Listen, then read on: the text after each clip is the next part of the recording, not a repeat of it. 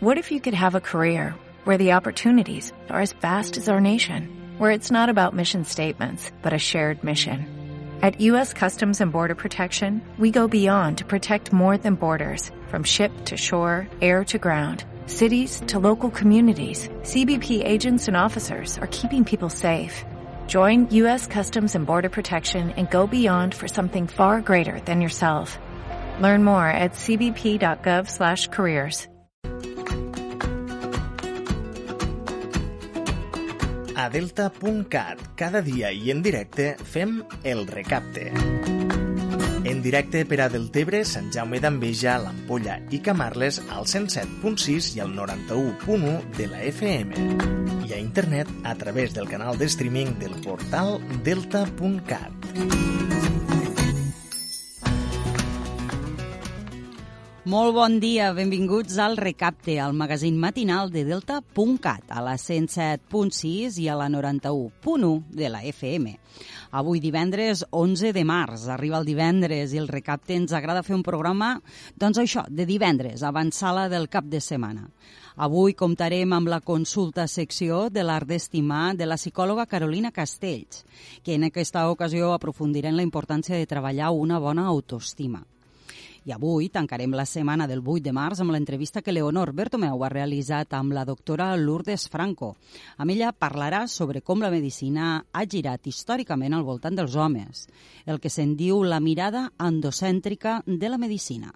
Recordeu que Deltacat som una plataforma digital i, per tant, també ens podeu seguir a través de Facebook, Twitter, Instagram o a través de la nostra web deltacat.cat, on trobareu totes les entrevistes i notícies del dia. Com sempre, tot plegat ho combinarem amb el repàs a l'actualitat de proximitat i música. Ara sí, arranca el recapte d'aquest divendres 11 de març. El recapte per a la gent del Delta amb Diana Mar. Dos professors de la Universitat de Barcelona han trobat al Delta de l'Ebre un líquen d'ambients costaners que encara no s'havia localitzat mai a Catalunya. Es tracta de la ramalina lusitanica, un líquen fruticulós que creix als troncs de vegetació costanera amb humitat alta. L'espècie tampoc ha estat molt citada a l'estat espanyol i està catalogada com a amenaçada a Itàlia i França. La troballa, segons el Departament d'Acció Climàtica, permetrà millorar el seu coneixement.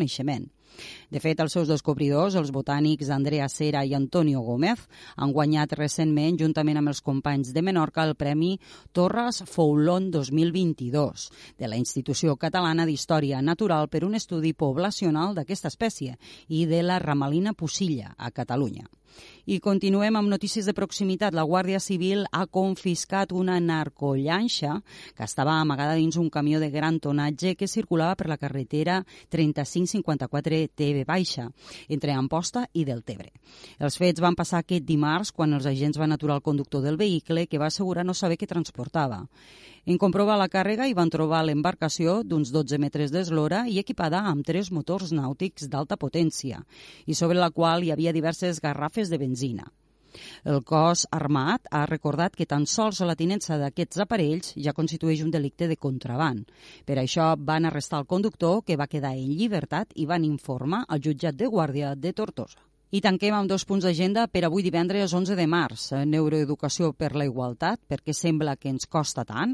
El Centre Fluvial del Delta a Deltebre, a càrrec de David Bueno i Torrents, director de la Càtedra de Neuroeducació de la Universitat de Barcelona. I a l'Auditori de Sant Jaume d'Enveja, que acollirà les activitats programades envers el Dia Internacional de la Dona, la lectura del manifest i l'obra Feminisme a càrrec de la companyia Sinergia, tot a partir de les 7 de la tarda. Ara escoltem una cançó i engeguem la roda d'entrevistes, però també la secció L'art d'estimar.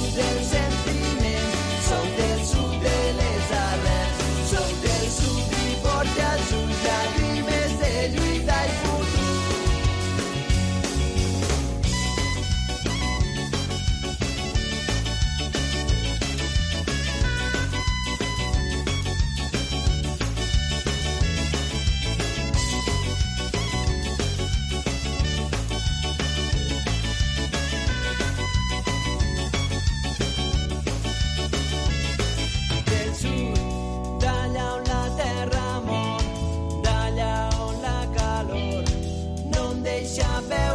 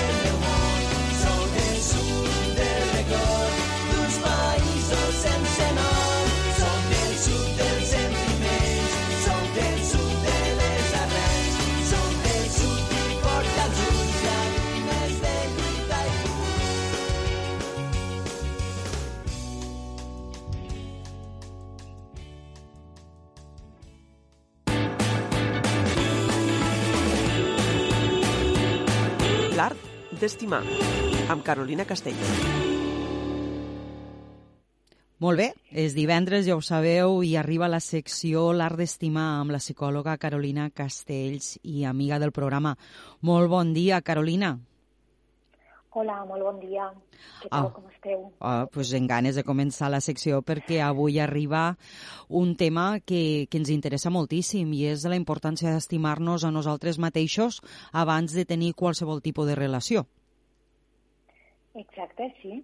És molt, molt important. És un tema que, que, bueno, que la setmana passada vam tindre les, les línies vermelles, vam estar parlant, i, i, bueno, que, i d'aquí ha sortit el tema de l'autoestima i, i bueno, que per a tindre qualsevol relació de parella i no relació de parella, és a dir, qualsevol relació que tinguéssim, pues, la importància d'estimar-nos a nosaltres mateixos. Anem a veure, perquè la importància és... Eh, tothom parlem d'autoestima, parlem d'estimar-nos a nosaltres mateixos, però què és necessari per estimar-se un mateix, Carolina? Jo crec que la base per estimar-se a un mateix és conèixer. És impossible que tu te puguis estimar tu mateix si no et coneixes abans. Per tant, jo començaria per, per, per este procés d'autoconeixement, que moltes vegades les persones no, no l'han fet i aquí arriba a consultar moltíssimes persones en què pues, no saben realment qui són perquè no han fet mai aquest treball no, de consciència, de mirar cap atrás per a veure pues, primer que tot d'on venim, quines són aquelles ferides que, que tenim no, i que de vegades pues, necessitem sanar.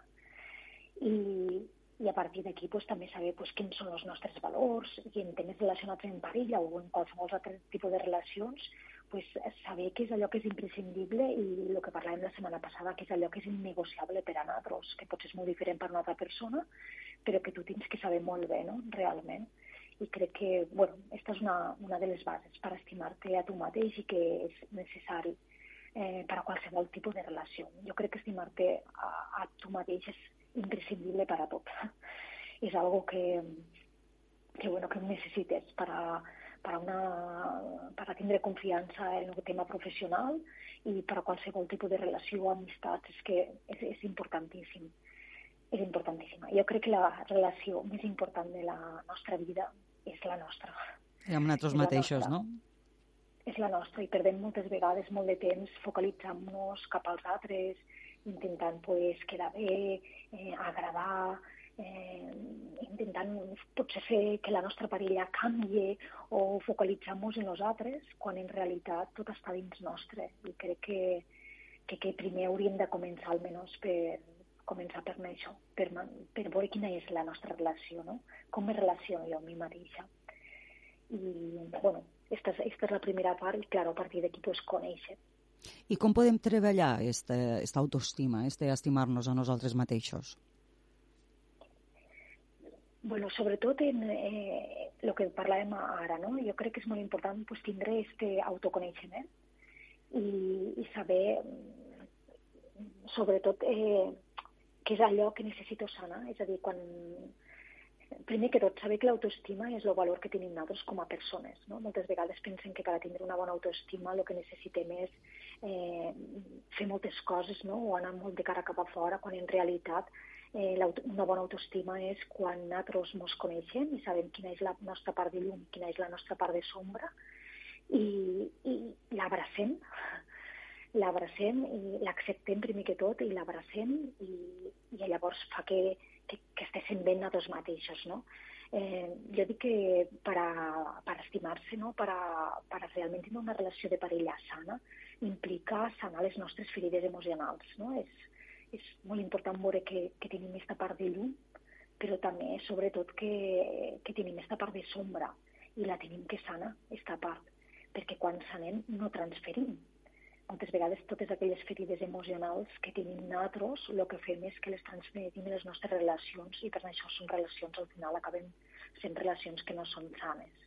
Per tant, una de les parts és anar cap atrás, no? primer, i anar i, i mirar, mirar què és el que ens ha passat a la nostra vida que fa que avui potser no tinguéssim aquesta confiança en nosaltres mateixos. I després, eh, una de les coses importants crec també a, a l'hora de tenir una relació de parella, quan ens estimem a nosaltres mateixos, és que ens tenim que fer responsables de la nostra felicitat. Perquè a vegades també mm, anem com a, com a de víctimes o, o responsabilitzem a l'altre que ens ha de donar allò que no som capaços de donar-nos nosaltres mateixos, que és l'amor propi. I volem que els altres ens estimen quan en realitat no ens estimem ni nosaltres. Per tant, eh, crec que també és molt important no? fer-se responsable. No? Estimar-se implica pues, ser responsable de, de la teua pròpia felicitat, de fer-te responsable de tu, de tot allò que t'agrada, que tot allò que, que prioritzar-te, fer-te cas, saber estar en tu mateixa.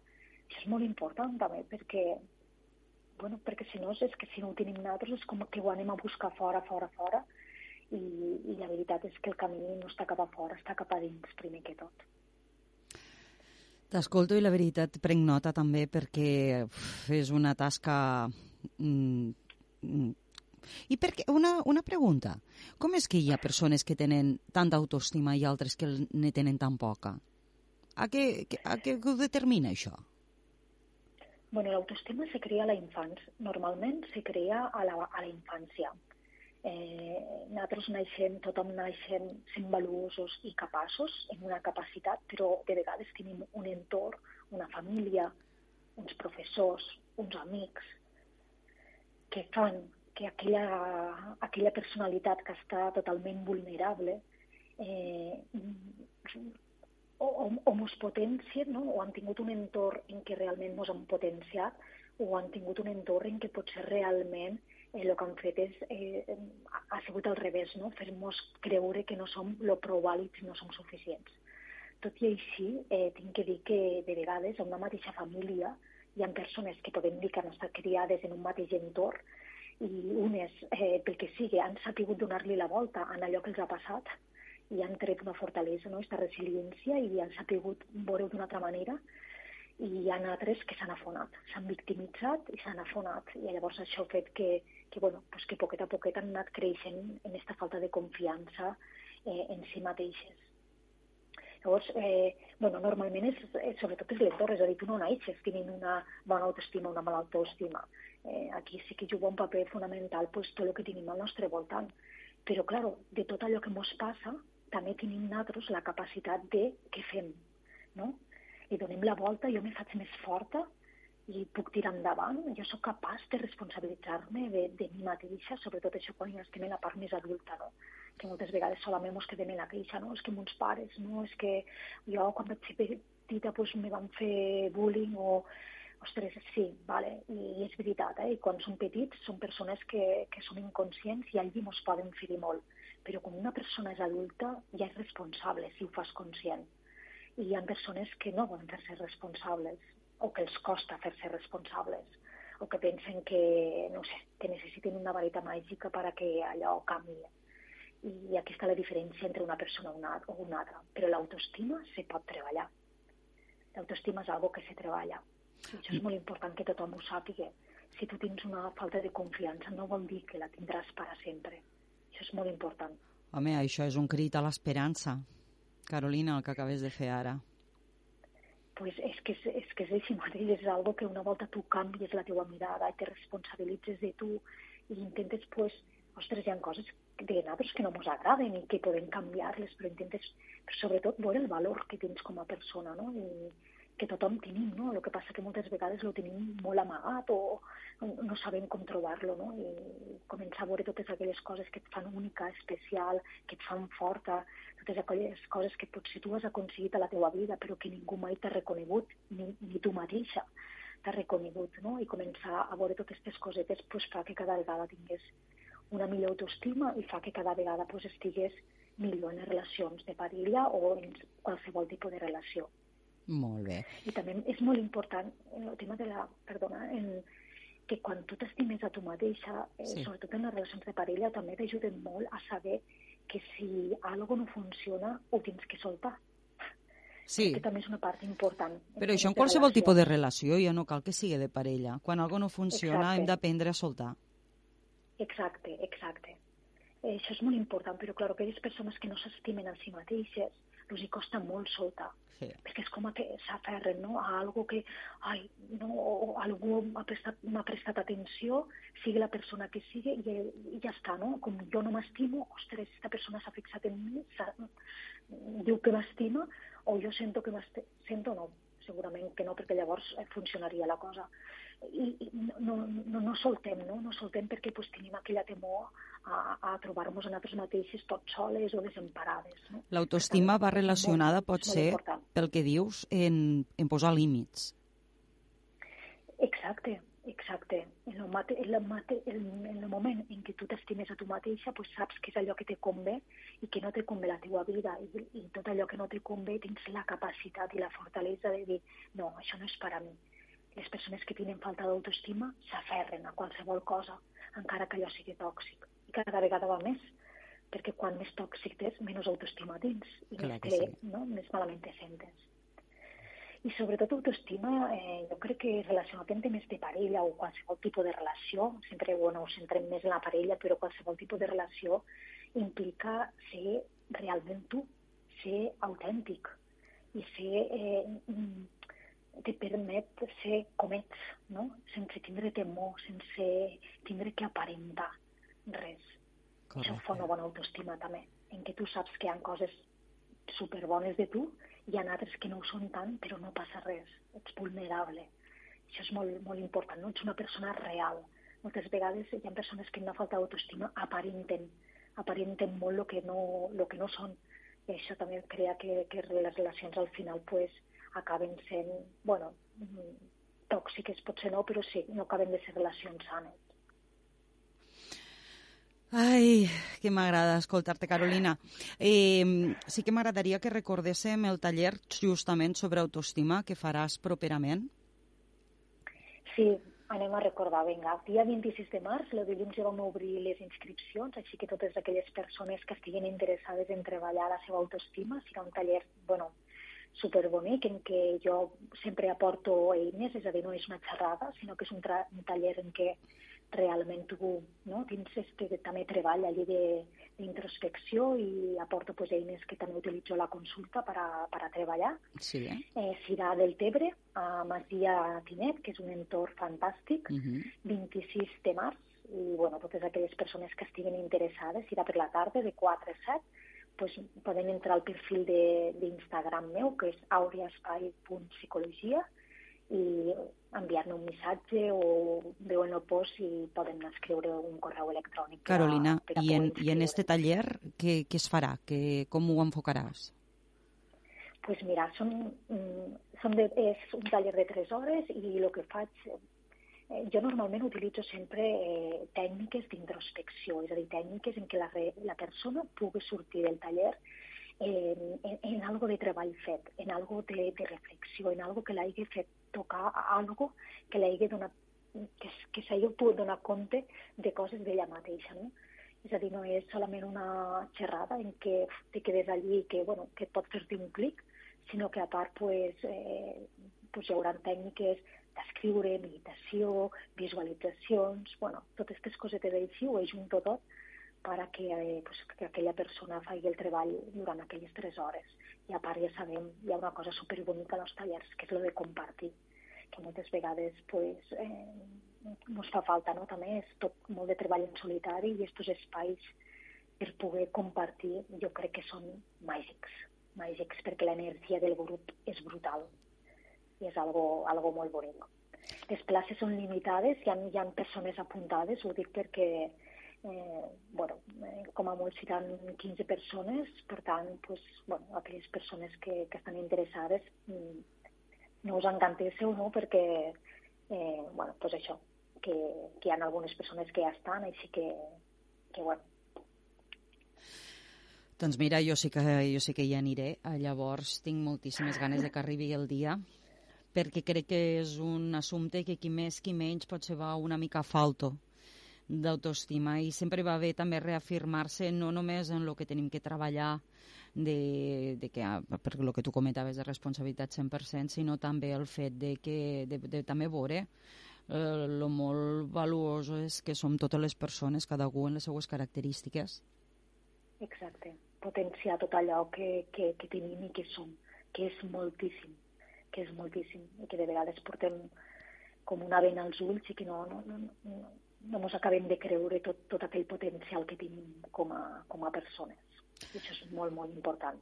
Doncs Carolina, eh, d'aquí al 26 encara tindrem l'oportunitat de tindre un altre art d'estimar i aprofundir en el coneixement de nosaltres. Moltíssimes gràcies per les seccions que ens dones i ens regales cada divendres. Moltíssimes gràcies a vosaltres per l'oportunitat de poder transferir tota esta, esta informació. Que tingues molt bon dia. Igualment. Adéu. Una abraçada. Una abraçada. Adéu.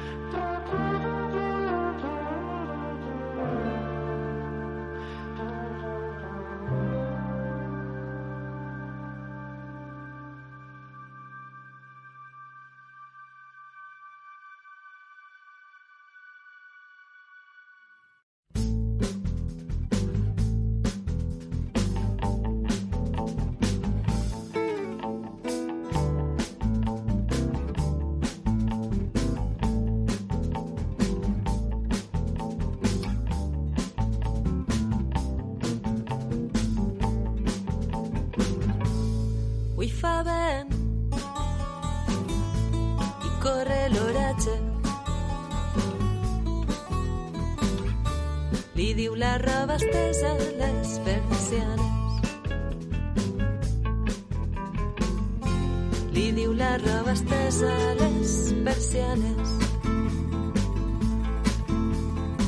I camina sense pressa, camina sense pressa, la, la, la. Sorpresa pel circuit del vent d'alguna fulla seca. Pregunta qui passa el balcó a la maceta.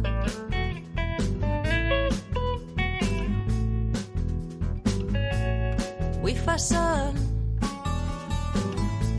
renega el paraigües. Mai plou a gust de tots, diuen les àvies. Mai plou a gust de tots, diuen les àvies. I camina sense pressa, camina sense pressa, la, la, la. Que si fa sol no té trellat, caminar més a pressa.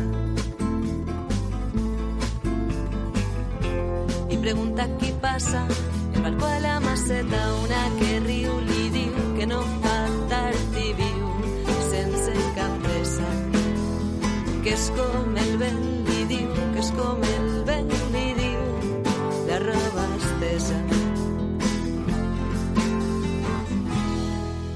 A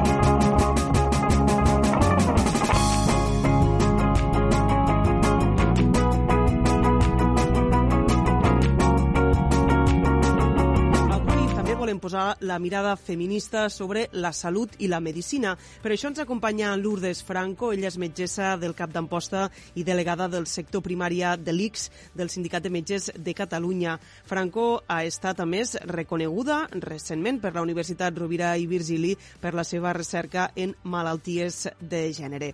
Lourdes Franco, bon dia. Hola, bon dia. Fins a quin punt esta mirada andocèntrica de, de la societat amb l'home al centre de tot s'ha traslladat també a la medicina? Bueno, des de tots els punts.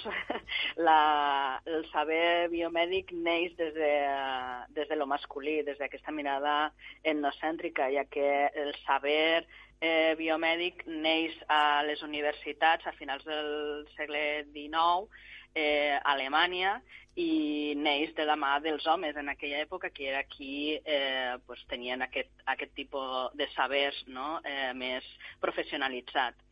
Llavors, eh, l'únic que hem fet al llarg del temps és eh, afegir no? l'evidència que s'ha anat adquirint, eh, però la mirada sempre ha estat la mateixa.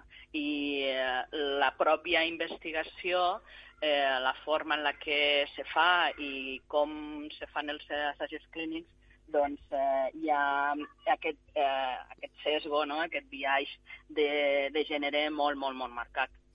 Anirem parlant d'estos diferents viais de, de gènere, però, per tant, podem dir que encara avui dia existeix aquesta mirada endocèntrica a, a la medicina, malgrat la incorporació de moltíssimes eh, dones a, a la medicina?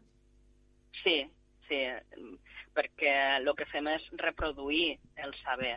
Eh, nosaltres l'incorporem en el moment en el que estudiem no? i ens estem creant com a professionals, però no el qüestionem eh, almenys en la gran majoria, no? Eh, I per tant l'únic que fem és reproduir-lo i legitimar-lo.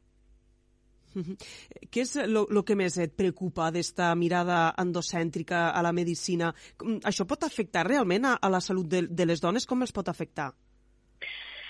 Pues en multitud de situacions, eh? des de eh, la creació i eh, pues, agravament no? d'estigmes i de prejudicis amb, amb la diferència o la tipologia de, de diagnòstics, en utilitzar fàrmacs que no han estat provats en dones eh, i fer-los extensius a, a les dones, amb el que això pot comportar per la salut de, de les mateixes, eh, en no entendre les necessitats de vida de, de les dones que estem encorsetades, no? igual que els homes al final, no? amb, els seus, amb els seus rols, doncs nosaltres també ho estem, eh, i el, els mandats de gènere són molt forts i eh, això ens fa emmalaltir moltes vegades eh, i no s'està atenent des de la biomedicina com a causa d'aquests malestars.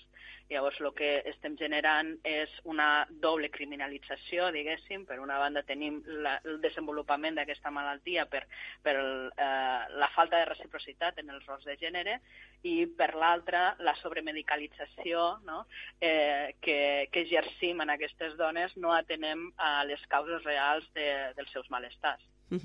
Ens parlaves ara d'estudis de, clínics, d'estudis científics que no han tingut en compte a la dona, almenys fins a la dècada dels anys 90. Això a poc a poc ho hem rectificat perquè, per exemple, eh, hem tingut un cas recent amb el tema de les vacunes de la Covid-19, que s'ha vist que en moltes dones els ha alterat els, els cicles menstruals i era una cosa que no s'havia alertat. Eh, bueno, no, no, no s'ha no treballat molt aquest tema. Eh? Eh, fins i tot hi va haver una, una companya, eh, crec que era d'Alacant, si no recordo malament, que va tindre que fer un, un, un change.org d'aquestos, de recollida de signatures perquè les dades de Covid eh, tinguessin una mirada i una perspectiva de gènere i que es, es poguessin desglossar, perquè això no s'estava donant. I com tu ben dius, eh, aquesta atenció als efectes secundaris de les vacunes sobre el cicle menstrual de les dones s'ha minimitzat completament per part fins i tot de les societats científiques. bueno, tenim aquesta situació en la qual eh, els sabers i, i les coses de les dones no, són minimitzats, infantilitzats i eh, utilitzats com a objectes de consum. La falta d'esta perspectiva de gènere no, en la medicina segurament fa que, que en moltes eh, malalties eh, els símptomes, els efectes siguin diferents en homes i en dones. Al final no acabem reconeixent les dones a quina, no, o que estem patint una malaltia o quina estem patint perquè els símptomes o els efectes són diferents a la dels homes.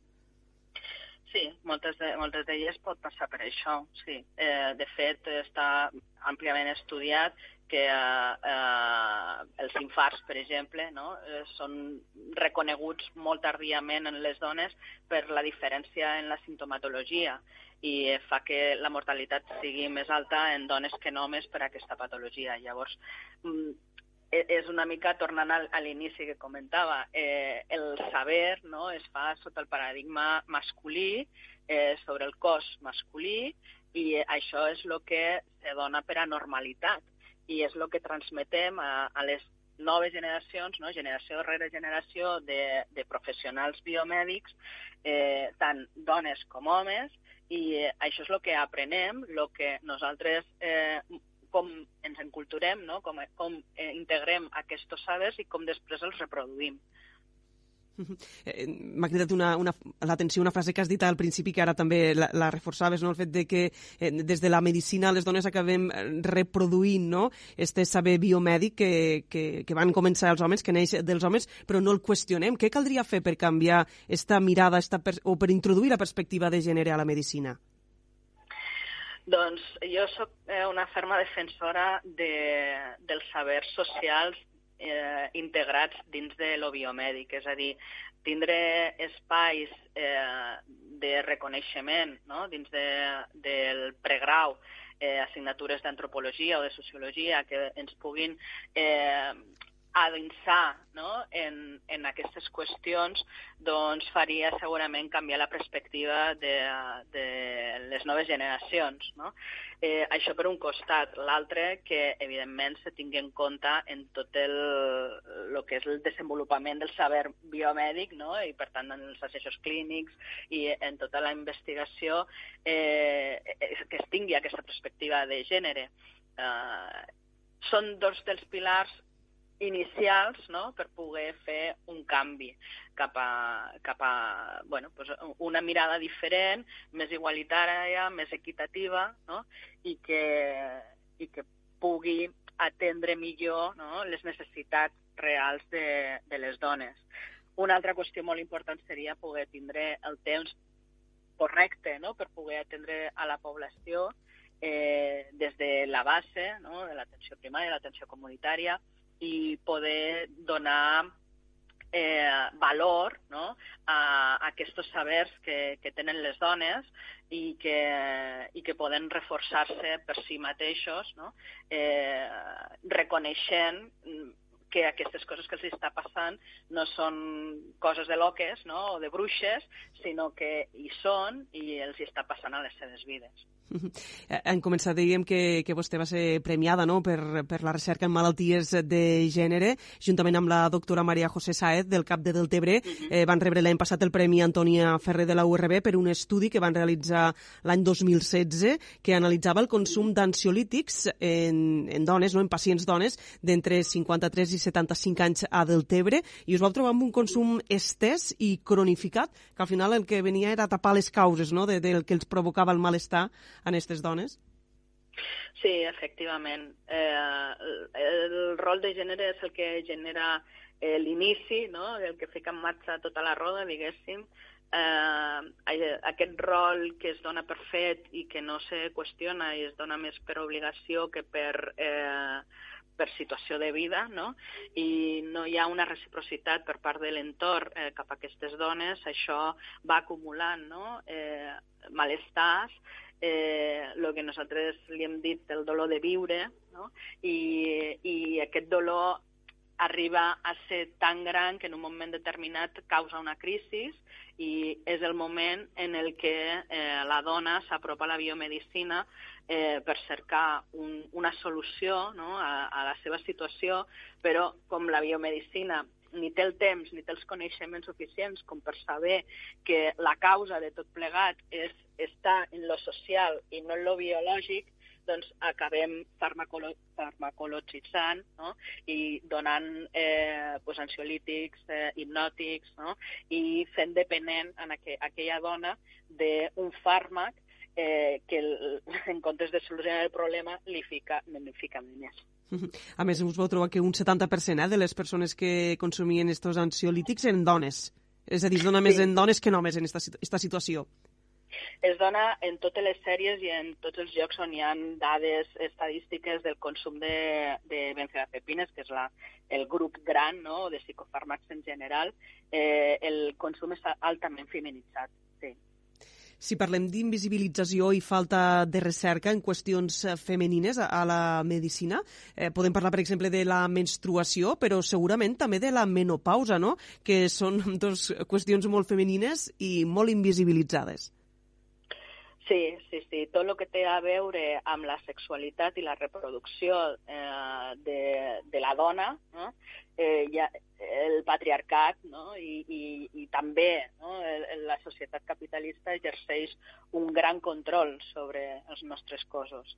Interessa, hi ha un interès important aquí eh, perquè al final s'exerceix el poder no? eh, eh, a través dels cossos de les dones i de controlar justament aquests dos pilars que són importantíssims per la supervivència de l'espècie, no? i cap a on se vol, se vol portar aquesta espècie.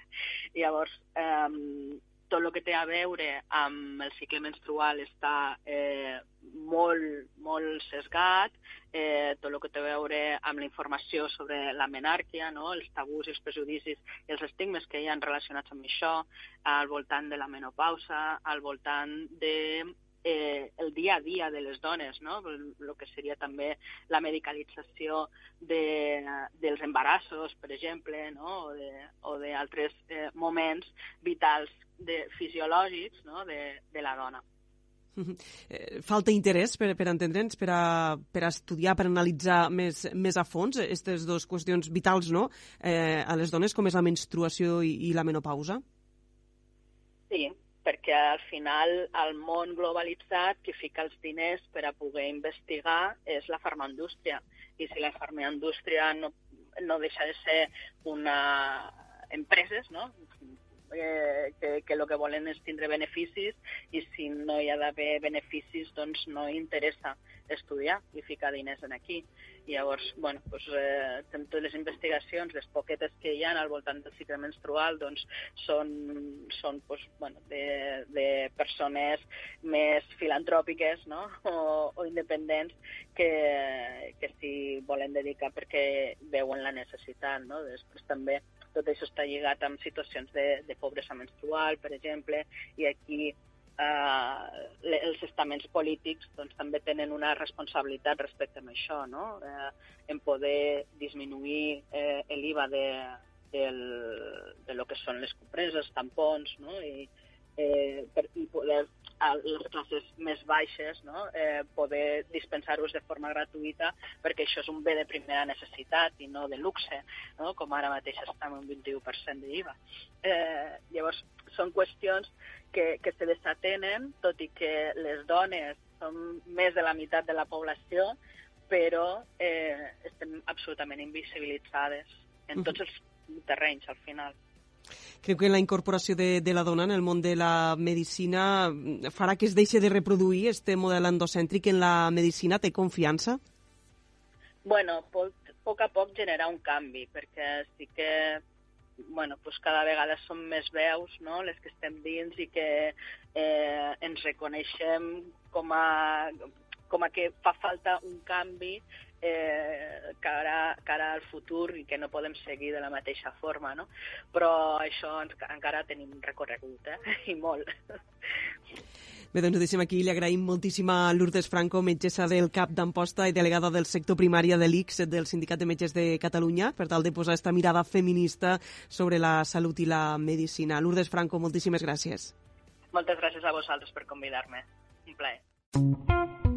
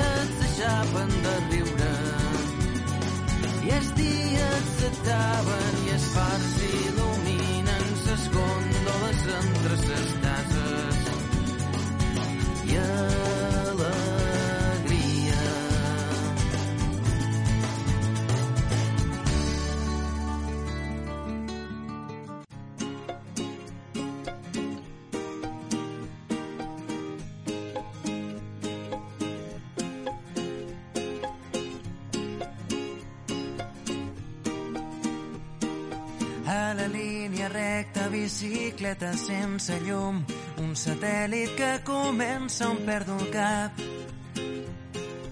Un camí fet d'herba, els teus llavis són de vidre congelat. Vaig descalç i penso imatges cegues de les platges que només podria veure sota el llit.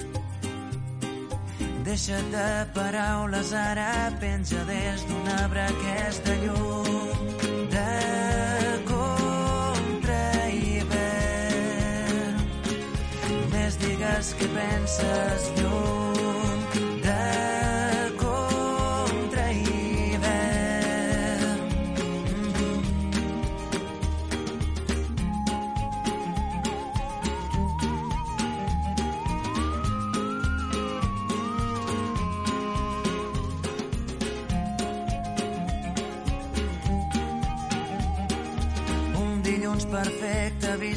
bicicleta sense mans. Tinc un pas de zebra nou recent pintat. Vol gelat de menta, les finestres semblen de paper mullat.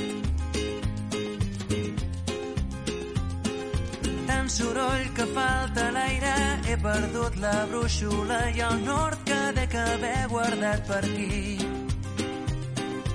Deixa't de paraules, ara penja des d'un arbre aquesta llum de contra hivern. Més digues que penses llum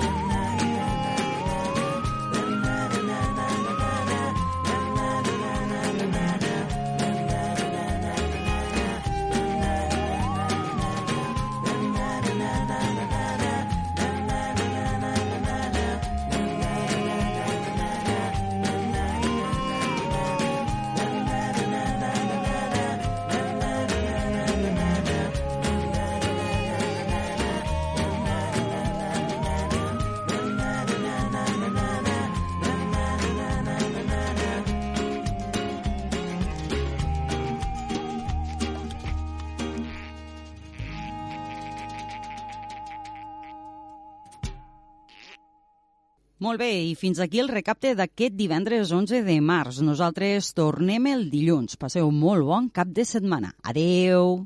thank you